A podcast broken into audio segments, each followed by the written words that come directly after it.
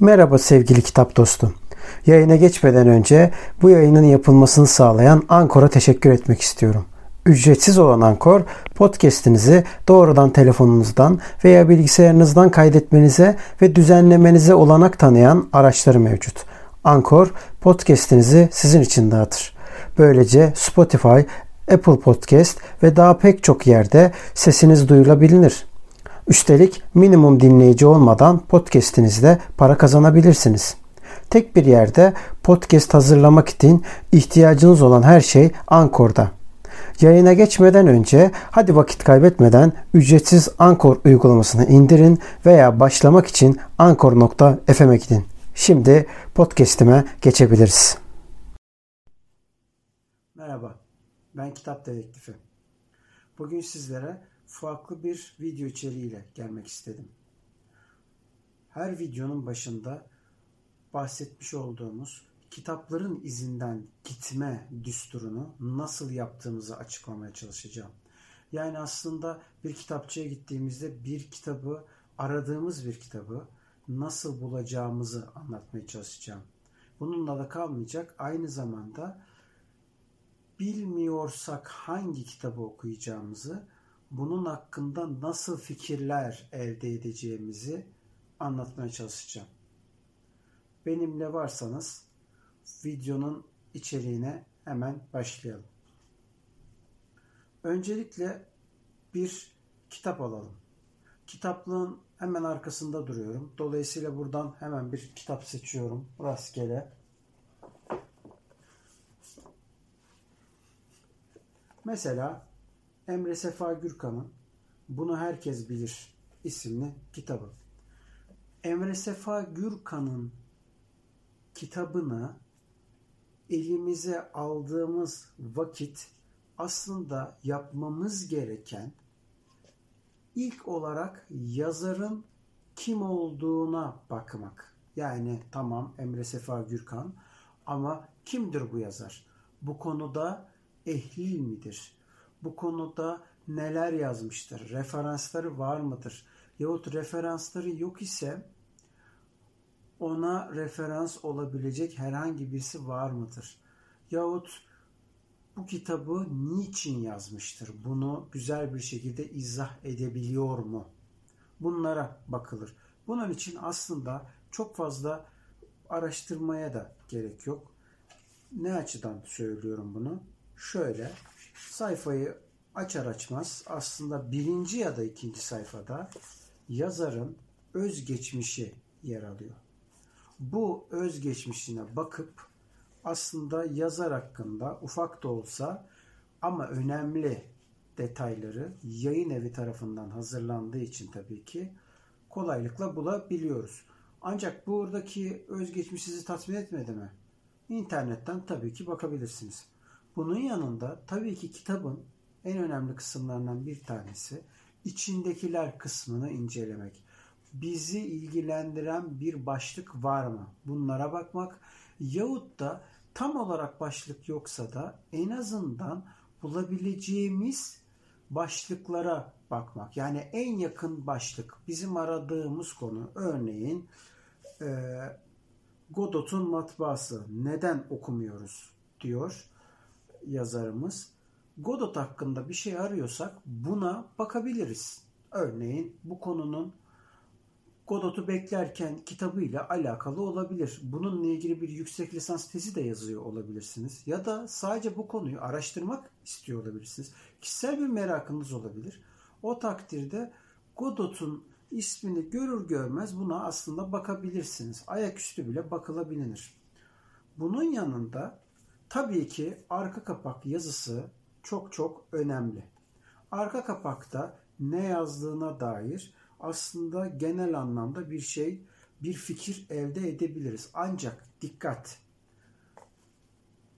Arka kapaklarda genellikle bire bin katarak anlatılır. Yani fragmandır.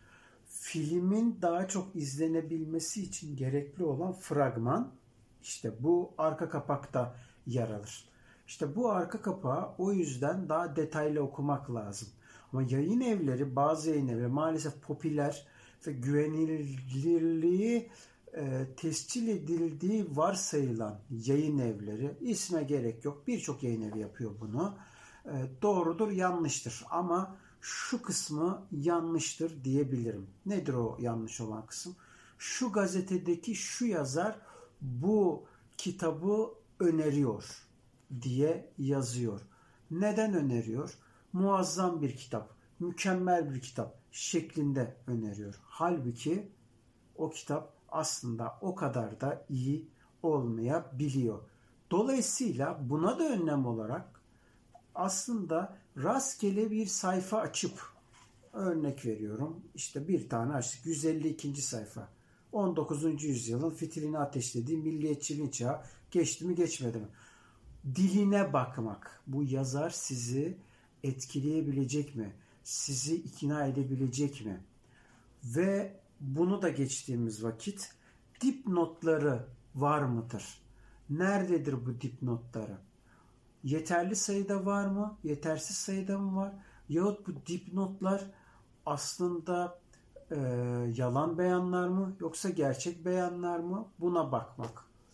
Ve yine tüm bunları bir kenara koyarsak eğer o kitap hakkında birinci baskıdan bahsetmiyorum muhakkak ki sizden önce okuyan kişilerin bir yazardan bahsetmiyorum ya da az önce belirtmiş olduğum bir yayın evinin o kitap hakkında bir yazara göndermiş olduğu kitap hakkındaki yorumdan bahsetmiyorum. Bir reklam yazısından da bahsetmiyorum. O kitap hakkında kitabı okuyan her kimse birçok platform var. İsimlere gerek yok. Bilirsiniz zaten bunları az çok. Herkes bir tanesini biliyordur. Mesela bir tanesi söyle, somut olarak söylemek için yani herhangi bir reklam yapmak için değil.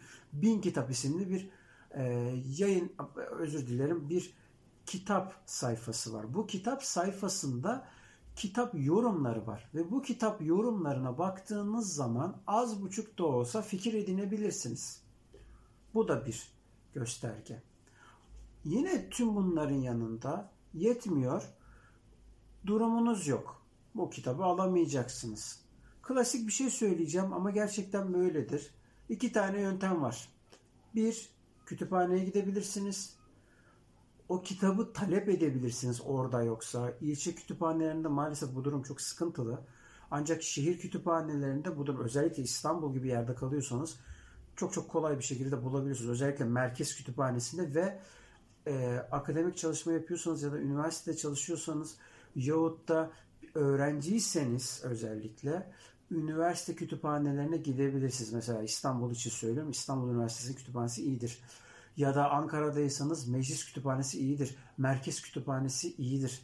Dolayısıyla e, bu arada İstanbul'daki merkez kütüphanesi de iyidir. Hatta şu kadar ki kapalı kütüphaneler var. Nedir o? Dışarıya kitap vermiyor. Bu, bu kütüphanelerde aslında kitabın orijinalliği ve yıpranmışlığı aslında çok çok ender olduğu için sizin daha çok işinizi görebilir. Bu yönüyle de aslında kütüphane çok işe yarar. İki numara nedir o iki numara? O da aslında gayet basit pdf'ini bulabilirsiniz. Şimdi diyeceksiniz ki e ben korsan mı okuyacağım? Hayır. Korsanla ilgisi yok. Ücretsiz pdf'ler de var Aynı zamanda ücretli pdf'ler de var. Ücretli pdf'leri nereden indiririz? Aslında Amazon'dan bunu da yapabilirsiniz. Amazon.com'dan da bunu indirebilirsiniz. Ancak bunun yerine pdf sayfaları var. Ee, ve bu pdf sayfalarından mesela şey gibi Telegram gibi sayfalarda bununla ilgili gruplar mevcut. Ee, Facebook üstünden de bununla ilgili sayfalar mevcut. Oralardan da indirebilirsiniz. Nadir kitapsa eğer işte biz orada devreye giriyoruz. Nadir kitapları da bulma noktasında işinize e, yaradığımızı yaradığımızı düşünüyorum. Ya şu yönüyle yaradığımızı düşünüyorum. Her kanalda, her yerde aramaya çalışıyoruz. Gerek fiziksel, gerek sanal anlamda, gerek e, sahaf dostlarımızdan, e, gerekse birebir mezatlara katılarak, mezatları da takip ediyorsunuz itibariyle, o kısma da geleceğim. Buralardan da kitapları temin edebilirsiniz. Yetmiyor. Yine kitap temin etmek için aslında birçok yöntem var. Ee, bunun yanında az önceki belirtmiş olduğum mezatlardan da yararlanabilirsiniz. Kitap mezatları çok bilinmiyor. Bilenler ise koleksiyonerler oluyor. Halbuki kitap aramanın altın kuralı şu. Muhakkak ki akademik arama yapanlar var ama sözüm onlara değil. Ya bu diyeceğim onlara değil. Bundan öncekiler tabii ki onlara. E, bundan e, sonrakiler pardon tabii ki onlara. Mezatlarda karşınıza ne gelirse işinize yarayabileceğini düşündüğünüz, okumaktan merak ettiğiniz bir liste vardır muhakkak. Ya da aklınızda vardır ya da yazılı kaynak olarak vardır. Yani yazılı kaynak derken yazılı bir metin olarak vardır. Bunlardan herhangi birini bir şekilde elinizde tutuyorsunuzdur. Ve bunlardan herhangi biri sizin karşınıza çıkabilir mezatlarda. Mezattan kastım şu. Bir tane kitap mezatından bahsetmiyorum. Birçok mezat var. Hatta mezat programları var. Bu mezat programlarında en az 20 tane mezatı aynı anda, hepsini aynı anda takip edebilirsiniz. Mezatlar hem sürümden kazandırır hem de bazı e, kitapçıları birebir sıfır olarak da satın alabilirsiniz. Yani şunu demek istiyorum. Kargo ücretinin e, haricinde herhangi bir ekstradan ücret ödemediğiniz bir yerden bahsediyorum. Yani komisyon farkı almıyorlar. Hem pandemiden dolayı şu anda almıyorlar. İleride pandemi biter. Pandemi bittikten sonra mezatın ta kendisine katılırsınız. Yani fiziksel olarak katılırsınız. Büyük müzayedelere katılırsınız. İşte o müzayedelerde o kitapları çok çok uyguna bulabilirsiniz. Yani bu kitabı örnek vermek gerekirse sıfır olarak şu anda ya yani yeni baskılardan bahsetmiyorum muhakkak ya bunun eski bir kitap olduğunu düşünelim. Bu kitabı normalde fiyatı etiket fiyatı 27,5 sa internette bulabileceğiniz 15 liraysa ancak mezatlarda 5 liraya bile bulabilirsiniz. Bunu tabii e, sahaflar bu arada çok iyi bildiği için sahaflar mezatlara katılıyor.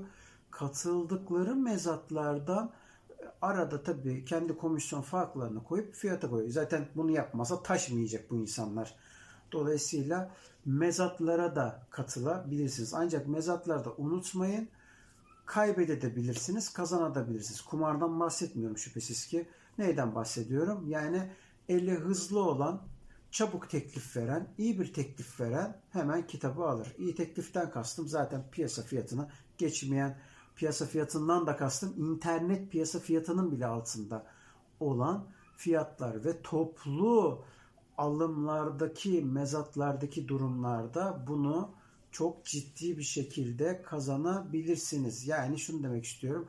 Kargo fiyatı gittikçe daha da düşüyor birim fiyatı olarak. Bunun yanında özellikle bazı e, kitapçı dostlarımız var. Bu kitapçı dostlarımız çok çok ucuza sadece 5 lira gibi rakamlara kelepir olarak kitapları satıyorlar. Ancak buralarda kalite tabi çok böyle nadir kitaplar bulabileceğinizi zannetmeyin. Ancak e, ben edebiyat olarak güzel, orta halli bir kitap okumak istiyorum dediğiniz vakit işte o sırada o kitabı bulabilirsiniz. Yoksa mesela bizim bulduğumuz ya da daha önceden bulduğumuz yahut da bundan sonra bulacağımız olan kitapları o 5 liralık kitapçılarda bulamazsınız. Ee, zaten sizin kadar en az sahafta kitabın piyasasını biliyor. Ha bazen istisnai oluyor. Şimdi eğer oturalım doğru konuşalım. Bir kere başıma geldi ama bu milyonda bir olabilir bir şeyden bahsediyorum. Kadıköy'de bir mez- sahafa gittim. Sahafta kelepir 5 liralık kitaplar vardı. Pardon 5 de değil 2 liralık kitaplar vardı. O 2 liralık kitaplara mesela baktığım zaman karşıma çıkan şey e, Dostoyevski'nin bir kitabıydı. Hem de çok eski bir kitaptan bahsediyoruz. Belki de Türkiye'nin ilk basılı kitabı olabilir yani Türkçe'ye basılmış ilk kitabı olabilir daha doğrusu. Ve bu kitap 2 liraydı. İnanılmaz. Ve o sırada sahaf dışarı bıraktığı sepetini bende de para yoktu. Bankamatiğe kadar gideceğim vesaire. Ondan sonra ve ondan sonra başka bir yere gideceğim. Bir şeyler oldu. Geri dönemeyeceğim diye e, bari oradayken dedim safı bekleyeyim. Yandaki dükkan sahibine sordum. Dükkan sahibi dedi ki ben dedi parayı alamam dedi. Ben dedi öyle bir sorumluluk e, alamam dedi. Ondan sonra sadece 2 liraya o şeyi alacaktım. Daha sonra kenara ayırdım. Bir dahaki sefere gelirim diye şey yapayım dedim. Ee, bir kenara ayırma yapayım dedim. Kenara ayırdım gittim dışarıdan geri döndüğümde saf açmıştı. O kitap orada yoktu. Ve aradan yaklaşık bir ay kadar zaman geçti. Kitap bir daha karşıma çıktı. Başka bir e, standında bu sefer çıktı. Yine aynı safın başka bir standında ve o kitap 50 liraya satılıyordu. Ve yıl 2016 idi. Yani dolayısıyla denk gelebilir. Karıştırın. Sepetleri karıştırın. Ancak e, çok böyle yüzde yüz çıkacak diye bir şey yok. Ancak işin zevki o. Zaten sahafların bu kadar kitap bilmesinin sebebi, elinin altına bu kadar kitap geçmesinin sebebi bu. Yani şimdi şey diyebilirsiniz. E, sen bize sahafları mı savunuyorsun? Onların yapmadıkları yok falan. Haklısınız. Maalesef mesleğimizi kötüye yorumlayan, kötü şeyler yapan hatta ben bile gittiğim zaman bir sahafla konuşurken geriliyorum yani. Çünkü sürekli ben biliyorum sen ne bilirsin ki böyle havaları var. Ve bu havalar maalesef sıkıntı yaratıyor. Benim şu anda elimde mesela 1500'ün üzerinde kitap var. Şu anda benim kendi özel kişisel kütüphanemde. Ve bu kişisel kütüphanede 1500 kitap olmasına rağmen ben hangi kitabın elimde olduğunu sorsanız kendi yaptığım kütüphane listemden bakıp da söylüyorum. Çünkü yani mümkün değil. 1500 kitabı nereden bulacağız? Nereden hatırlayacağız? Muhakkak arada kaçanlar oluyor vesaire. Sadece anımsıyoruz. Bu olabilirdi, bu var olabilirdi diyebiliyoruz. Ancak bir safın elinde en az 10 bin tane kitap olup daha sonra da bir kitap sorduğunda şöyle bir iki saniye e, yoktu ya da e, var deyip birazdan biraz önce sattım onu demesi kadar palavra yalan bir durum yoktur. Bunu kendileri de bilir ama sırf havalı olmak için şey yaparlar. Ancak paralı bir müşteri geldiği zaman tırnak içinde kullanıyorum bunu maalesef iğrençleştiren durum da bu. Paralı bir müşteri gelir gelmez anında yok efendim e, tabii ki var bizde o deyip hemen kafasından bir fiyat uydurup onun üstünden satması e, resmen düpedüz bu işi ticarete dökmenin tillahı. Şimdi diyeceksiniz ki e, zaten kitap satıyor bu ticaret değil mi? Tabii ki öyle. Muhakkak öyle. Ancak sahaflık tam anlamıyla bir ticaret değil. O yüzden zanaat zaten. Sahafların kendileri de bilir zanaatları. Zaten o yüzden e, bırakın Türkiye pardon bırakın İstanbul'u sadece Türkiye'de bir elin parmağını geçmez. Yani eski kitap satanlar sahaf değildir. Böyle bir şey yok. İkinci el kitap satanlar da sahaf değildir. Yok böyle bir şeye. Tarihini bilmesi lazım. Onun el yazısını bilmesi lazım. Nereden temin edebileceğini bilmesi lazım. Onları güzel bir şekilde korumasını bilmesi lazım. Hatta ciltlemeyi dahi bilme noktasına kadar gidebiliriz.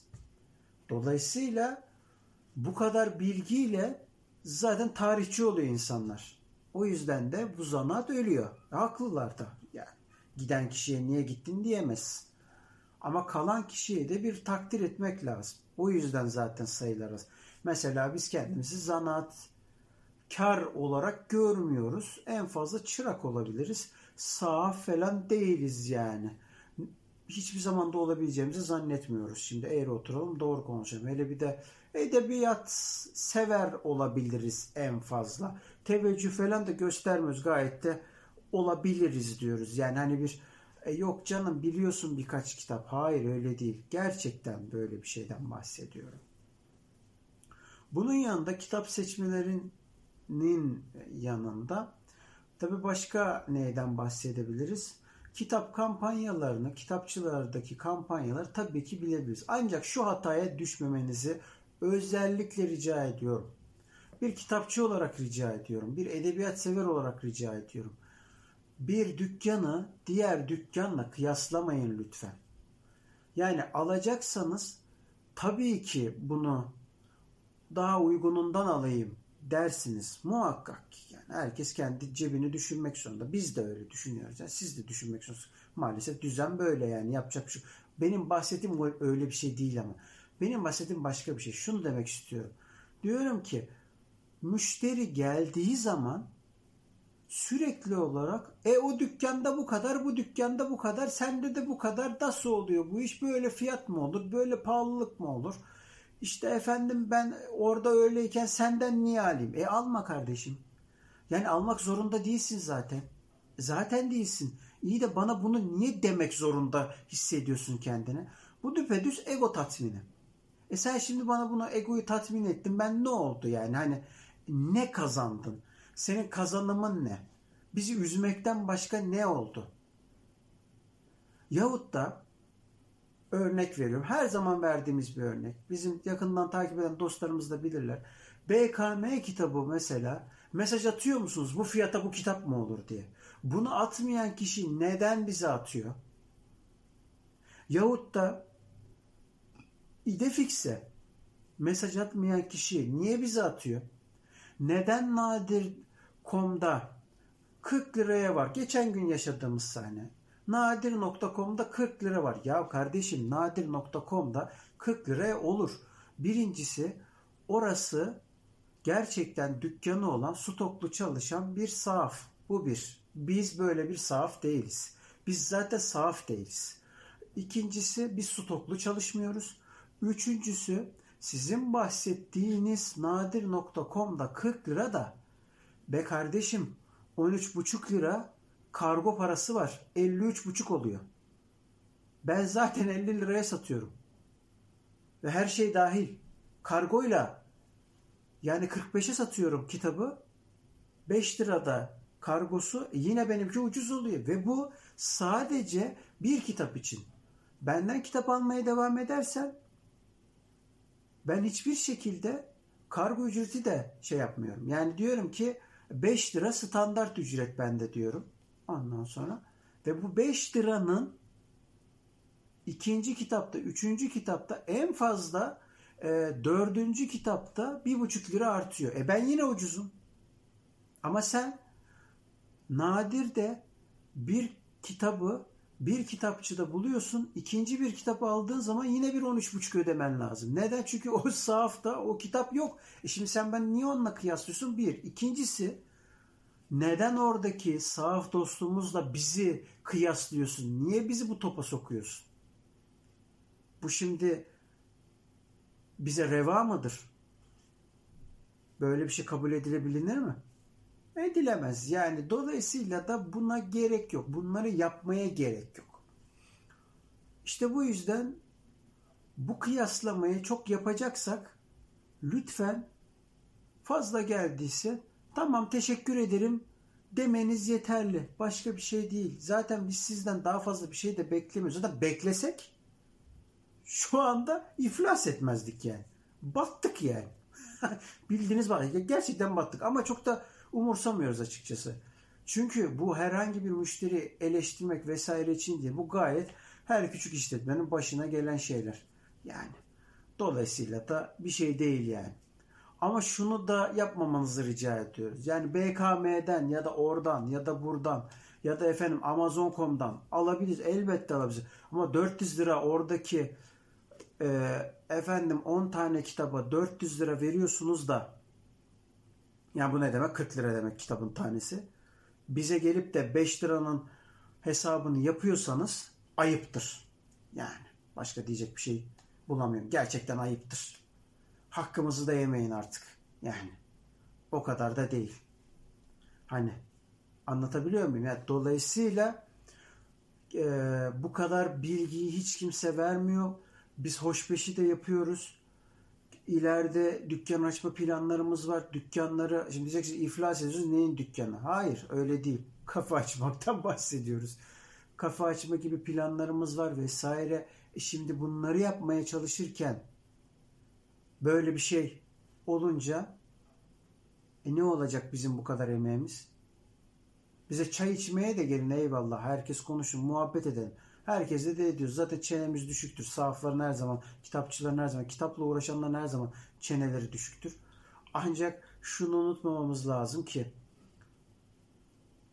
şeyler, e, kitapçılar ama o şekilde ama bu şekilde haklarını almaları lazım. Neden?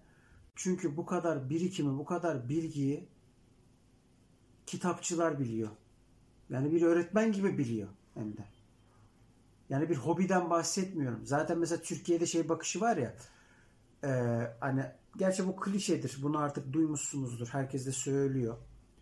Mesela işte efendim benim boş vaktim yok ki kitap okuyayım. Ya kitap boş vakit geçirmek için mi kardeşim? Yani ne alakası var? Kitabı oku ki hayatı öğren. Yani dolayısıyla sen hayatı bilmiyorsun. Artı bir araştırma görevlisi bile kitapçıya gidip ben şu konuda kitap arıyorum bana yardımcı olur musunuz diyorsa eğer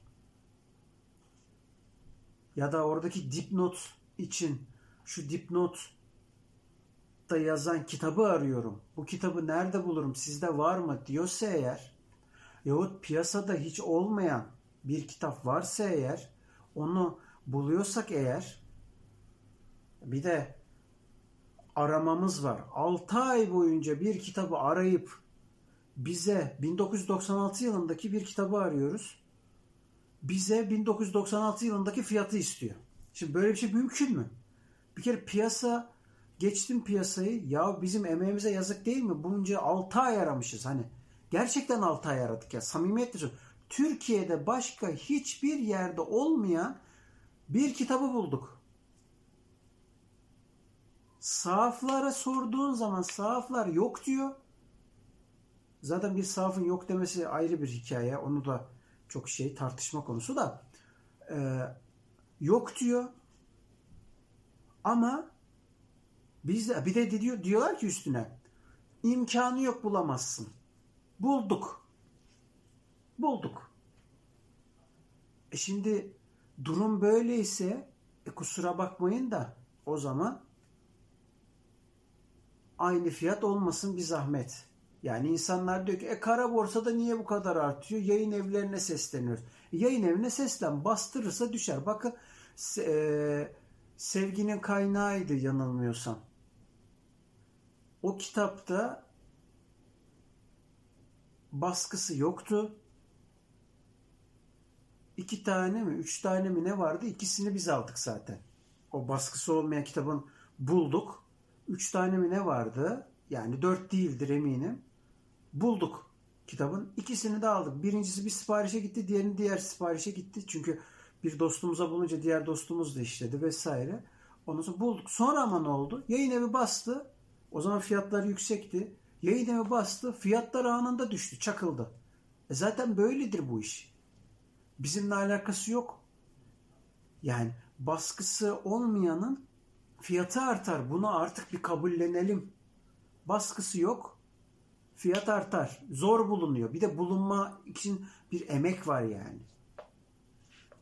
O yüzden aslında siz oradaki zamanı satın alıyorsunuz. Öyle düşünün yani. 96 aradaki ee, farkı nedir? 96 2006 10 2026 tabi. Yani en az bir 20 yılın şeyini alıyorsunuz. Fiyatını veriyorsunuz aslında. Ve verecek para da çok bir matah bir şey değil. Normalde etiket fiyatı 40 liraya olan kitapları baskısı yok. Bunca yıldır ortada yok. 200 liraya koyuyorlar. Millet diyor ki bu nasıl pahalılık, bu nasıl pahalı. E kardeşim 20 yıldan beri bu kitap yok. Bir yerde bile yok. Bul sen bulabiliyorsan. Bulamazsın. Bulamadığın için de fiyatına kabul etmek zorundasın ya da bu kitabı aramayacaksın.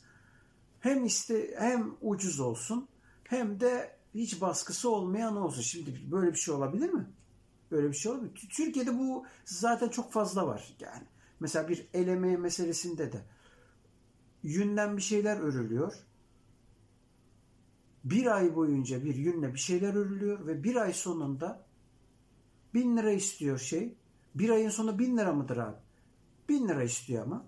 Ondan sonra ama hiç kimse gecesini gündüzüne katıp onu örüyor. Gerçekten örülüyor yani. Bir, e, bir ay boyunca. Bin lira istiyor. Sonra diyor ki öyle fiyat mı olur? Ya nasıl fiyat olsun peki? Bin lira boyunca nasıl bir fiyat olmasını pardon e, bir ay boyunca ne kadar fiyat olmasını istersin? Beş lira mı olsun? On lira mı olsun? Bir de şeye de çok güzel oluyor. Beş lira yapıyorsun kitabı iki lira olmaz mı? Olmaz kardeşim. Olmaz güzel kardeşim. Yani böyle şeyde e, piyasada örnek veriyorum. Kaç defa da yaşandı bu. 100 liralık bir kitap var. Biz 25 liraya buluyoruz. Kitabı koyuyoruz. Mesaj geliyor. 15 lira olmaz mı? Biz de diyoruz ki en sonunda yani markete gidince sen pazarlık yapıyor musun? Yapmıyorsan benle de pazarlık yapma. Ya böyle bir şey olabilir mi? Yani her şeyde inanılmaz lüksiyatımız var. Her şeyde inanılmaz lüksiyatımız var. Ancak kitaba gelince pazarlık yapalım. Sebep? Çünkü zihniyet aynı. Zihniyet benim boş vaktim yok ki kitap okuyayım zihniyet. İşte böyle dostlar. Bunları bir düşünelim. Bunları bir tartışalım. Bunlar hakkında yorumlarınızı bekliyorum. Bir kitapçının sizlerle dertleşmesiydi. Kitap okuyalım, okutalım, alışkanlığını sağlamaya çalışalım. Çevremizi e, bu konuda yapalım. Mesela eşim fabrikada çalışıyor ve fabrikada inanın kimse okumuyordu. Ancak eşimi gördükten sonra çevresinde en az 10 kişi, en az 10 kişi kitap okumaya başladı. Siz okuyun. Zaten okuduklarınızı paylaştıktan sonra çok güzel şeyler olur. Örnek veriyorum. Diziden bir saat kısın. Yani bir televizyon dizisinden kısın. Güzeldir, çirkindir. Onu söylemiyorum. Bir televizyon dizisinden bir saat kısın. Bir saatinizi kitaba ayırın. Çok basit bir şey aslında. Bu kadar. Başka bir şey yok. Zaten sonradan birikiyor. İşte böyle. Bir kitapçının dertleşmesi nereden nerelere bizi getirdi, beni getirdi. Bir kitap aramadan, bir kitap bulmadan, bir kitap satın almaya kadar, bir kitapçının neler yaşadığına kadar geldik. Umarım videoyu sonuna kadar izlemişsinizdir. Zaten izlediyseniz siz de bu konuda dertlisinizdir. Ne yapacağınızı düşünüyorsunuzdur.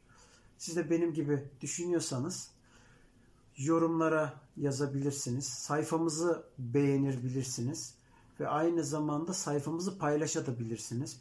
Ne kadar çok paylaşırsanız o kadar çok kişi duyar, o kadar çok kişi gelir. O kadar çok kitaba vakit ayırmak zorunda kalırız. Görüşmek üzere. Kendinize iyi bakın. Kitap ve dostlukla kalın. Hoşçakalın.